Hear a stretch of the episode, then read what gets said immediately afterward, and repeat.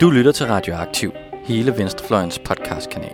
Vi bringer de nyeste nyheder fra klassekampen, dybdegående interviews, nørdede analyser og knivskarpe debatter. Hvis du kan lide, hvad du hører, så husk at følge os på SoundCloud eller din podcast-app, og du kan også smide et like på vores Facebook-side.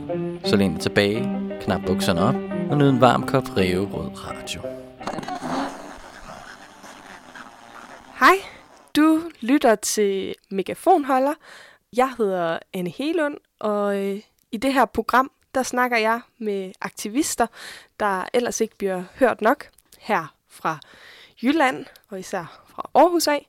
Og i dag, der skal det handle om kønnet vold, og derfor så har jeg inviteret min veninde Signe med igen. Måske kan nogle af jer huske, at hun også var med sidste gang, hvor vi optog live til Talktown, og hvor det også handlede lidt om vold. Vi kan jo slet ikke få nok af at snakke om det, fordi vi synes, det er så vigtigt. Men faktisk så er der også en anledning, fordi at lige om lidt, der er det den 25. november. Signe, det kan være, du vil fortælle lidt om øh, den her dag. Ja, jeg hedder Signe, og jeg er her som repræsentant for den gruppe, der hedder Ikke En Mere. Og det er en aarhusiansk aktivistgruppe, der arbejder mod kønnet vold og særlige former for seksuel vold. Og den 25. november, som er FN's internationale dag for forebyggelse af vold mod kvinder, tror jeg det hedder, eller forebyggelse af kønnet vold, er en af de mærkedage, som vi har markeret de sidste øh, ret mange år efterhånden. Det har egentlig været en, en mærkedag i, i rigtig lang tid, jeg tror i over 40 år næsten, eller noget i den, deromkring som øh, på en eller anden måde skal markere og skabe opmærksomhed på det problem, at kvinder i meget stor grad udsættes for former for seksualiseret og kønnet vold. Og i nogle af de seneste års kampagner udspringer de her statistikker, som kommer fra den, der hedder Violence Against Women Survey, som er en EU-undersøgelse fra 2014, mener jeg, der viser, at cirka en tredjedel af kvinder i EU har været udsat for forskellige former for kønnet vold. Og det er så det emne, vi også tager op 25. november i år, hvor vi så specifikt fokuserer på vold i det offentlige rum og i bybilledet, blandt andet med det udgangspunkt, at øh, byture og fester er en af de situationer, hvor der er anden størst risiko for at blive udsat for seksualiseret vold som kvinde, mens de fleste overgreb sker hjemmet. Men fester og alkohol øh, sammenhænge er den anden største risikofaktor. Og nu taler vi om kønnet vold lidt mere bredt, i stedet for kun at tale om vold mod kvinder. Men det passer måske også meget godt med noget af det, vi talte om i sidste program, som er intersektionalitet og solidaritet. Og jeg tænkte faktisk, at der er et guldkorn fra Maja fra LGBT-rådgivningen, noget hun kom med i spørgerunden der, som jeg synes, det var helt øh, synd ikke kom med, så øh, den tager vi lige med ind her. Et forbud mod niqab rammer også os andre, fordi det er en forløber til, at man kan begynde at kontrollere anden påklædning. Og på samme måde, jamen, lovgivning, som man kunne tro kun rammer homoseksuelle mænd for eksempel, rammer også andre mænd, heteroseksuelle, biseksuelle mænd. Forestillinger, strukturelle forestillinger om, hvordan mænd skal være, og at en transmand i hvert fald aldrig kan være en rigtig mand, spiller også ind i, at der er en forskning om, hvordan det er at være en rigtig mand, hvilket også skader ciskønnede mænd. Så jeg synes, at det er vigtigt, at man også holder for øje, de her ting, de her love, de her jokes, som man måske kan tænke, okay, det har ikke noget med mig at gøre. Det har det. På en eller anden måde, så har det noget med dig at gøre. Og ikke kun fordi, at du sandsynligvis kender en eller anden, som vil blive ramt af de her ting, men også fordi, at der faktisk er en kæmpe stor risiko for, at du selv på sigt vil blive ramt af de her ting. Hvis man som homoseksuel tror, at det er muslimer, der har skyld i den undertrykkelse, man oplever, så synes jeg, man skal vende øjnene mod Christiansborg og se på, hvor mange muslimer, der lige har siddet og forfattet de love, som eksisterer i samfundet stadigvæk, som er dem, der undertrykker homoseksuelle. Fordi jeg kan love dig for, at LGBT-personer har været undertrykt længe før, der overhovedet var nogen her i landet, der så meget havde hilst på en muslim. Jeg har da fået mange gange den der, øh, du er muslim, hader du så ikke bøsser? Den er Eller homoseksuel, det går du ikke ind for, vel? Og det var sådan, det rager ikke dig. Du ved ikke, hvad islam er, så du kan ikke sidde og fortælle mig, hvad, hvad jeg skal tro, og hvad jeg ikke skal tro, eller hvad jeg skal synes. Vi skal stoppe den der form for had, og den der form for frygt. Ja, nu fik vi også lige øh, Ilham fra øh, De Blå Stjerners pointe med, og jeg synes faktisk, hendes oplevelse er jo også et eksempel på vold. Og, øh, og jeg har faktisk talt med nogen efter den sidste podcast, som synes, at mange af de, de ting, vi talte om, at det handlede ikke rigtigt om vold. Og jeg tænker, at det er nok noget at gøre med folks fordomme om, hvad kønnet vold det er. At det er partnervold og voldtægt, men at der er en masse andre ting, som vi slet ikke taler om eller ser på som vold sådan til dagligt. Ja, Jamen, det er jo lidt, lidt sjovt, og jeg tror, at vi talte også om det for nylig, ikke? det her med, at når man taler om kønnet vold, så er det ligesom, ja, voldtægt og partnervold, der på en eller anden måde dukker op. Og i virkeligheden, hvis man ser på de undersøgelser, der er lavet af det, så er det også voldtægt og partnervold og seksuelle overgreb i bredere forstand, man spørger ind til. Fordi det ligesom er den type vold, man tænker som kønnet, hvor sådan noget som Ilham taler om her, som er sådan en form for mikroaggressioner, ikke? Altså, er måske også lidt svært at tale om i forhold til kønnet vold i det der brede perspektiv, fordi hvad er det egentlig, man skulle spørge ind til? Der var jeg tænker, at det minder meget om en form for vold, det her hun bliver udsat for med på en eller anden måde, at blive beskyldt for at være homofob på grund af sin tro eller sin etniske baggrund. Det er jo i det her med, at hun bliver gjort til et objekt for nogle andres politiske dagsorden. Altså der kommer nogen, som har en eller anden idé om, at øh, muslimer er roden til alt ondt, og så gør de hende sådan som person til objekt for deres politiske dagsorden. Og i den proces, så mister hun jo, altså hun bliver frataget sin subjektivitet og sin selvbestemmelse og sin ret til på en eller anden måde at definere sig selv. Og hvor meget det er kønnet, det ved jeg ikke, men det er i hvert fald en form for vold, som minoritetspersoner er særlig udsatte for, og også tit kvinder, tror jeg. Ja, vi talte i hvert fald en del om sidst, at især kvinder, der går med tørklæde eller niqab, de har en helt særlig form for undertrykkelse i forhold til, at så spiller både racisme og deres køn ind i den undertrykkelse, de bliver udsat for. Men jeg tænker, nogle andre, som måske også bliver udsat for en særlig form for kønnet vold, at det er for eksempel transpersoner og LGBT-personer, og det er jo nogle af dem, vi også gerne vil øh, have med i den her snak om kønnet vold, og det er derfor, at hvis man siger, at den her dag, den handler kun om vold mod kvinder, så er der måske nogen, der tænker, at det, øh, det er ikke en dag for dem, eller mm.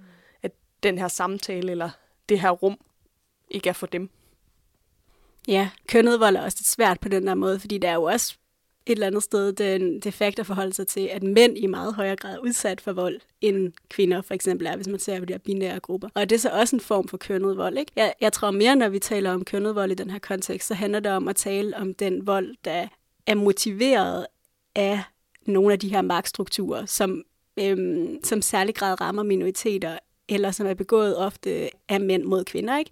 Og jeg synes, i forhold til Majas eksempel, er det i virkeligheden, og der er vi lidt tilbage ved objektiviseringen, ikke? At, altså, der er det også hende og hendes transkønnethed, der bliver gjort til et middel i en kamp mod muslimer, ikke? Altså som om, at der er en forventning også til hende om, at hun burde ikke synes, at muslimer var velkomne i Danmark, fordi nogen har fået en idé om, at det er deres skyld, hvis øh, LGBT plus personer mangler nogle rettigheder. Men jeg ved ikke, at det der med at sige om vold er kønnet, peger nok ret tit tilbage på seksualiseret vold i sidste ende, tror jeg. I hvert fald i mange af de undersøgelser, der er lavet. Og der ved jeg ikke om, altså der kan jeg godt forstå, hvis man ikke tænker, at mange af de her ting handler særlig meget om vold. Men det der igen er, ligner i de her former for mikroaggressioner og måder at bruge andre som objekter, er jo altså ligner jo seksualiseret vold i den sammenhæng, at man objektiviserer andre. Ja. Det kan være, du kan komme med nogle eksempler på noget af det mest almindelige, man så bliver udsat for i forhold til objektivisering og seksualiseret vold i det offentlige rum, fordi det er jo det, vi især kommer til at have fokus på den 25. november. Altså de mest almindelige former for seksualiseret vold i det offentlige rum er jo sådan nogle ting som tilråb på gaden. Og sådan altså dem, man nok vil placere i den lidt mindre alvorlige ende af spektret.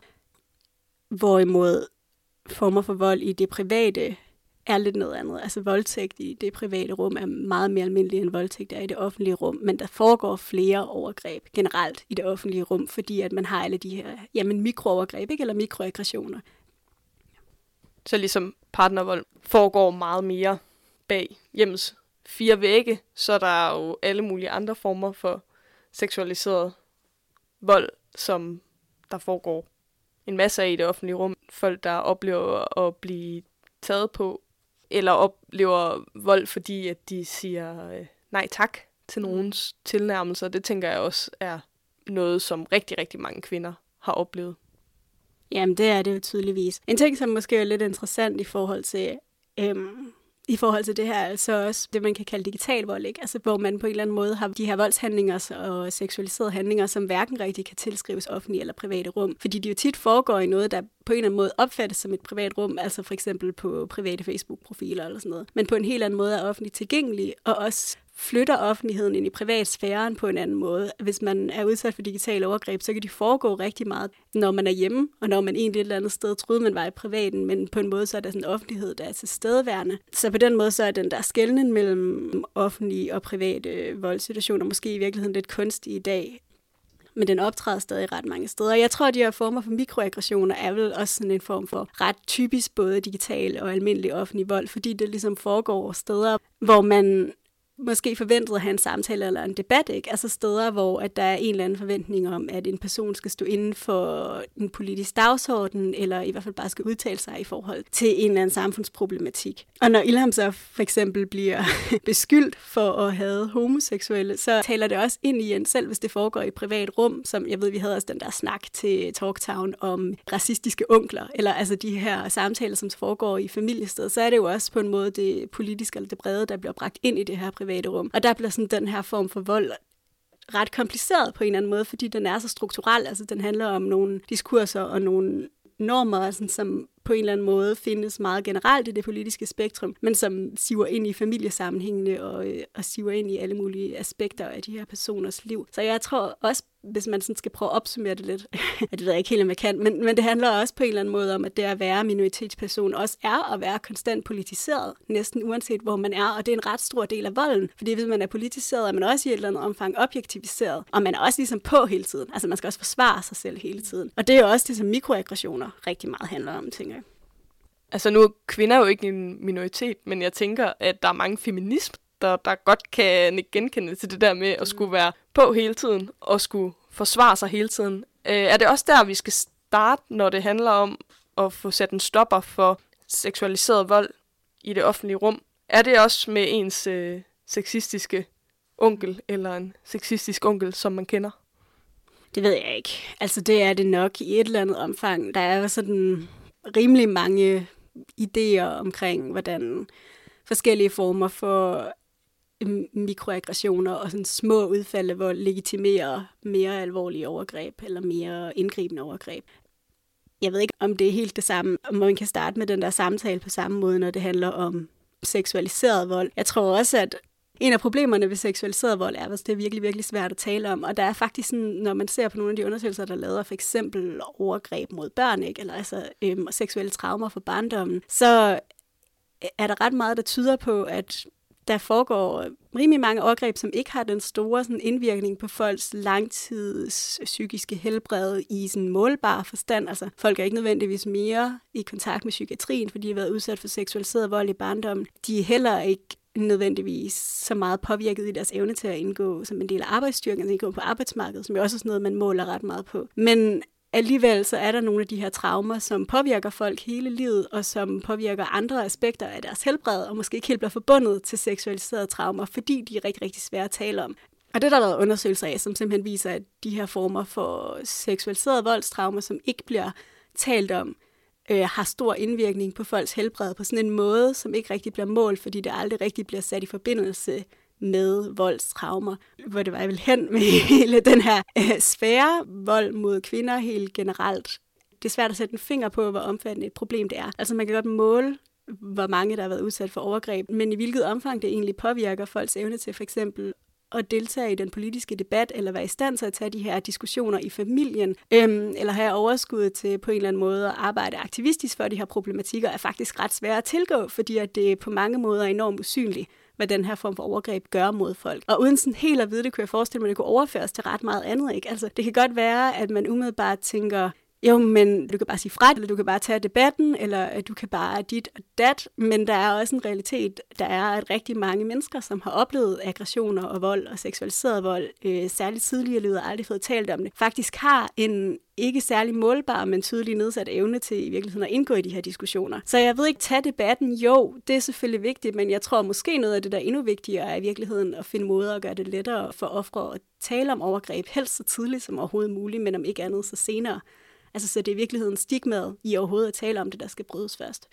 Og det gælder nok også racisme, men det gælder i hvert fald seksuel overgreb. Så vi er helt tilbage til den her med, at det private er politisk, som måske er så noget af det, der gør det så svært, at det starter meget hjemme i privaten, og måske det er også derfor, det er nemmere at starte med samtalen om den seksualiserede vold, der foregår i det offentlige rum.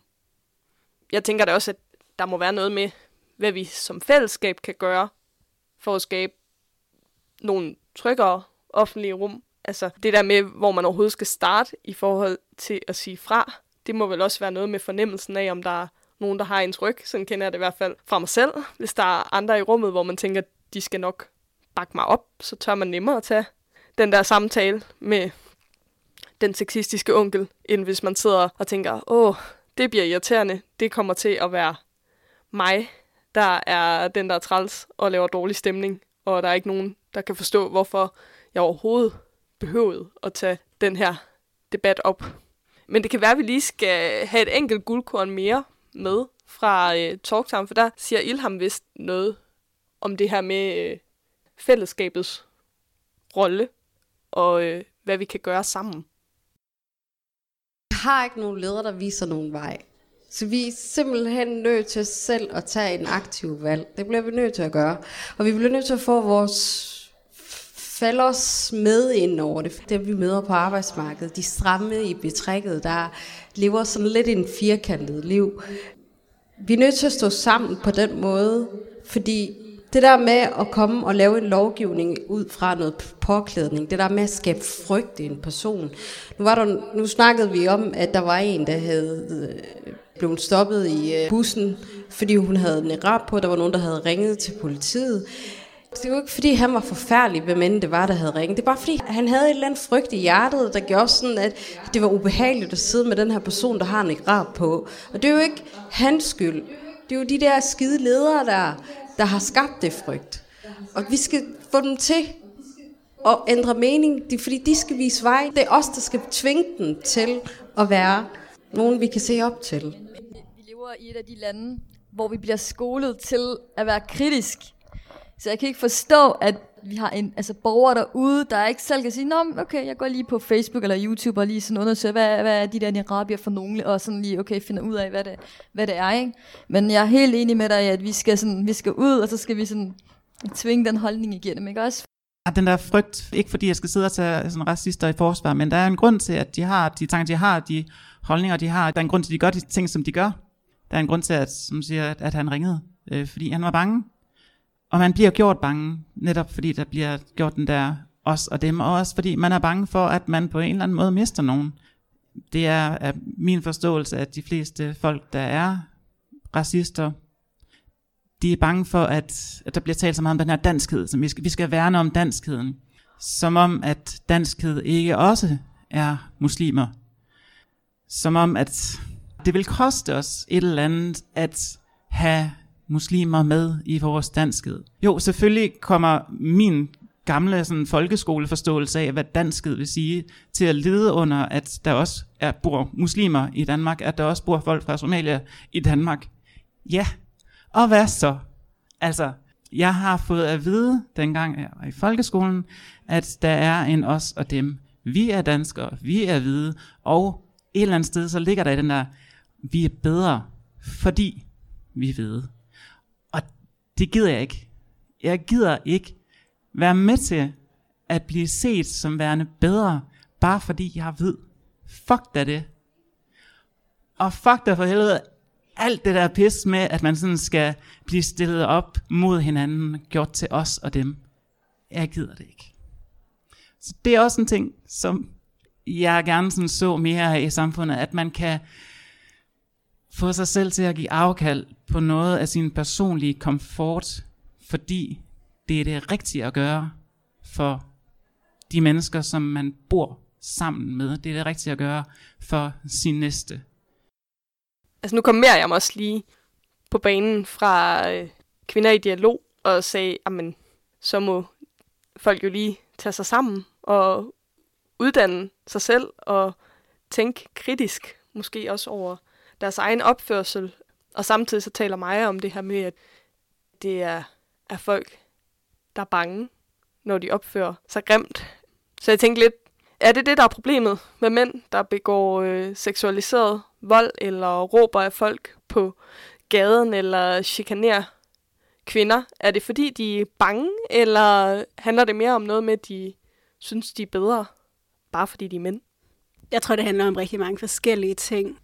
Der er der helt klart nogen, der har nogle idéer om, at mænd er meget bange for kvinder, og det er jo farligt at være i en magtposition, fordi man risikerer at miste den, ikke? Og jeg tror også, det er det, som øh, Maja taler om, når hun snakker om det her med, at det er ubehageligt på en eller anden måde at skulle give afkald på sin egen komfort. Men altså grunden til, at mænd i så høj grad begår overgreb, tror jeg er væsentligt mere kompleks. Og det kunne man give rigtig, rigtig mange forskellige øh, svar på. Måske skulle man se nærmere på, hvad det er for en type overgreb, mænd begår. For der er også overgreb, som kvinder rigtig hyppigt begår. Det er bare en anden slags. Ikke? Men hvis vi skal vende lidt tilbage til det klip, så synes jeg, at nogle af de gode ting, de i virkeligheden hiver frem, er Miriam, der siger det her med, at vi lever i et land, hvor man er opdraget til at være kritisk, altså den her idé om kritik, altså som også handler om at forholde sig kritisk til sine egne måder at tænke på. Og det synes jeg er en god pointe, og egentlig sådan en ting, som man netop tænker, ja, det er da det, vores uddannelsessystem i høj grad skal lære os, også for at vi kan være på en eller anden måde kvalificerede demokratiske samfundsborgere, eller altså deltage konstruktivt i debatten og fungere som demokrati, så det der med at forholde sig kritisk til sådan nogle ting enormt vigtigt. Så synes jeg, øhm, det her med frygt også er interessant. Måske mindre i forhold til overgrebsmænd eller overgrebspersoner, men, men mere i forhold til den måde, som mange af de her ting ligesom mere generelt bliver håndteret på, og den måde, som de tre forholder sig til det her, fordi jeg synes egentlig, det er ret imponerende, at Ilham hun på den der måde sådan viser den form for empati med folk, som gør de her ting. Og det tænker jeg jo også er en god værdi i forhold til at komme ind under huden på nogle af de her problemer, altså at prøve at forstå dem, der på en eller anden måde udfører overgreb. Ja, for der er jo rigtig meget os og dem, når man taler feminisme. Måske også folk, der prøver at spille øh, feminister og mænd ud imod hinanden og sige, at øh, det handler jo om, at man måske hader mænd. Der tænker jeg, at, at der er rigtig meget at hente i, at det handler om, at vi gerne vil have et samfund, hvor alle behandler hinanden bedre, og at hvis vi havde nogle mindre stereotype kønsroller, så kunne det være, at øh, flere mænd også havde det væsentligt bedre. Det kunne være, at de skulle give afkald på nogle privilegier, men det kunne jo være, at øh, der var en helt anden gevinst i forhold til at have det bedre psykisk, og øh, at vi fik et meget bedre fællesskab. Ja, men det er også svært ikke, fordi nogle mænd vil helt sikkert få det bedre. Altså, der er jo også rigtig mange steder, hvor mænd virkelig bonger ud som særligt udsatte. For eksempel faktisk i forhold til vold, sådan helt generelt. Hvis man ikke ser på seksualiseret vold, er mænd jo meget mere udsatte. Så selvfølgelig er der nogle mænd, rigtig mange mænd, der vil gavne af et mindre patriarkalt system. Men dem, som der virkelig øh, har rigtig meget glæde af det system, vi har, er jo dem, der har magten. Det er derfor, den er lidt svær, ikke? Fordi at dem, som på en eller anden måde sidder på magtens tinder, de synes jo, det er fedt, at samfundet er, som det er. Selvfølgelig, fordi det er det, der har gjort, at de er der, hvor de er. Så på den måde, så igen er det bare lidt mere komplekst. Men det er jo måske også det vigtige i det her med at tænke kritisk og overveje flere nuancer i det. Og sørge for, at der er et fællesskab, hvor vi kan have den her samtale. Det er måske der, det overhovedet kan starte. Jeg glæder mig i hvert fald meget til den 25. november, hvor vi skal tale om, hvordan vi kan få et mere trygt offentligt rum og et mere trygt natteliv og et eller andet sted, så meget som det her handler om, er måske også at se, hvilke potentielle alliancer, der ligger på en eller anden måde. Ikke? Og der synes jeg også, at det der med at spille folk ud mod hinanden, for eksempel som vi snakkede om til Talktown, med at spille muslimer og LGBT plus personer ud mod hinanden, med sådan en, I er dårlige for hinandens liv og rettigheder retorik, gør det også sværere at se nogle alliancer, som der kunne være. Og jeg tænker sådan et arrangement som her den 25. som jo så fokuserer ret meget på vold mod kvinder, fordi det er det, der ligesom også bredt træder frem, når man ser statistisk på det. Og dermed også appellerer ret meget til alliancer mellem mænd og kvinder, som ellers bliver spillet ud mod hinanden i den her retorik. Der er også et spørgsmål om at se på, men hvilke mænd er det egentlig, eller hvilke grupper af mænd er det egentlig, der er gode allierede? Altså det er måske heller ikke alle mænd, der er gode allierede, men der er der helt sikkert nogen, der for det første på en eller anden måde er emotionelt engageret i den her sag, og på den anden side nogen, som også selv ja, netop vil gavne ret meget af et mere ligestillet samfund. Og måske er det den type alliancer, man skal lede efter. I lige så høj grad, som jeg synes, det her er et eksempel på, at der faktisk er ret mange oplevelser, som går igen blandt minoritetspersoner, uanset om det så er transkønnet eller muslimer, som man på en eller anden måde kan trække på, og alene det at dele de oplevelser, er jo et udgangspunkt for at kritisere nogle bredere strukturer og nogle idéer og nogle adfærdsmønstre, som folk har. For eksempel de her mikroaggressioner, det her med at hele tiden at skulle stå til forsvar, hvem man er. Så jeg håber da også på en eller anden måde, at, at så kan folk lære at lytte til det. Ikke? Altså, så kan de applicere det bredere end lige i forhold til de minoritetsgrupper, vi på en eller anden måde har talt om her. Jeg tænker også, det er jo sjovt, når man taler om kønnet vold, så kommer man hurtigt til at tale en hel del om mænd. Måske fordi man tænker, men det er jo dem, der er problemet. Det er mænd, der begår mest seksualiserede vold mod kvinder, men også som begår mest vold mod andre mænd.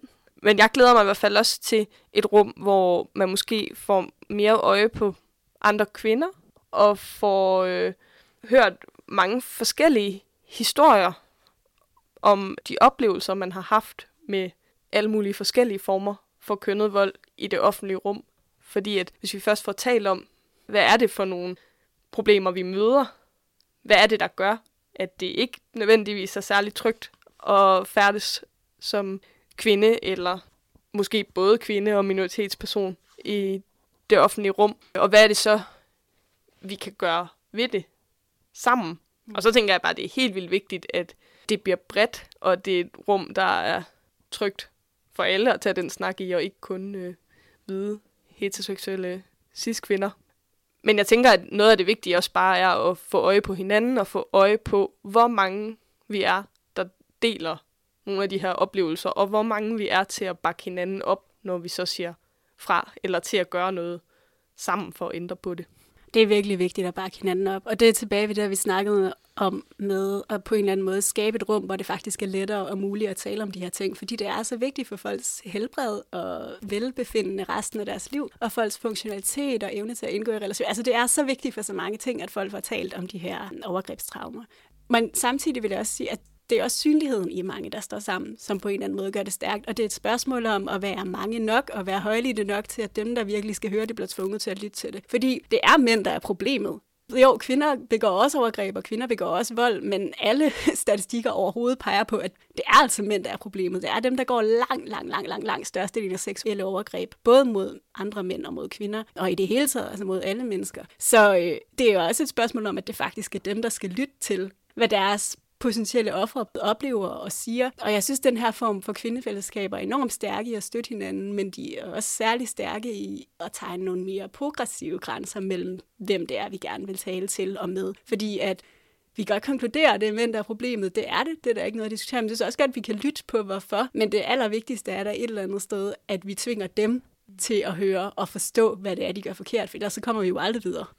Så hvis man sidder derhjemme som øh, mand, så skal man heller ikke være bange for at dukke op i Aarhus den 25. november. Det er kun godt, hvis øh, man kommer og lytter med og tager del i samtalen. Det kan være, du vil fortælle lidt om, hvad er det egentlig, der skal ske?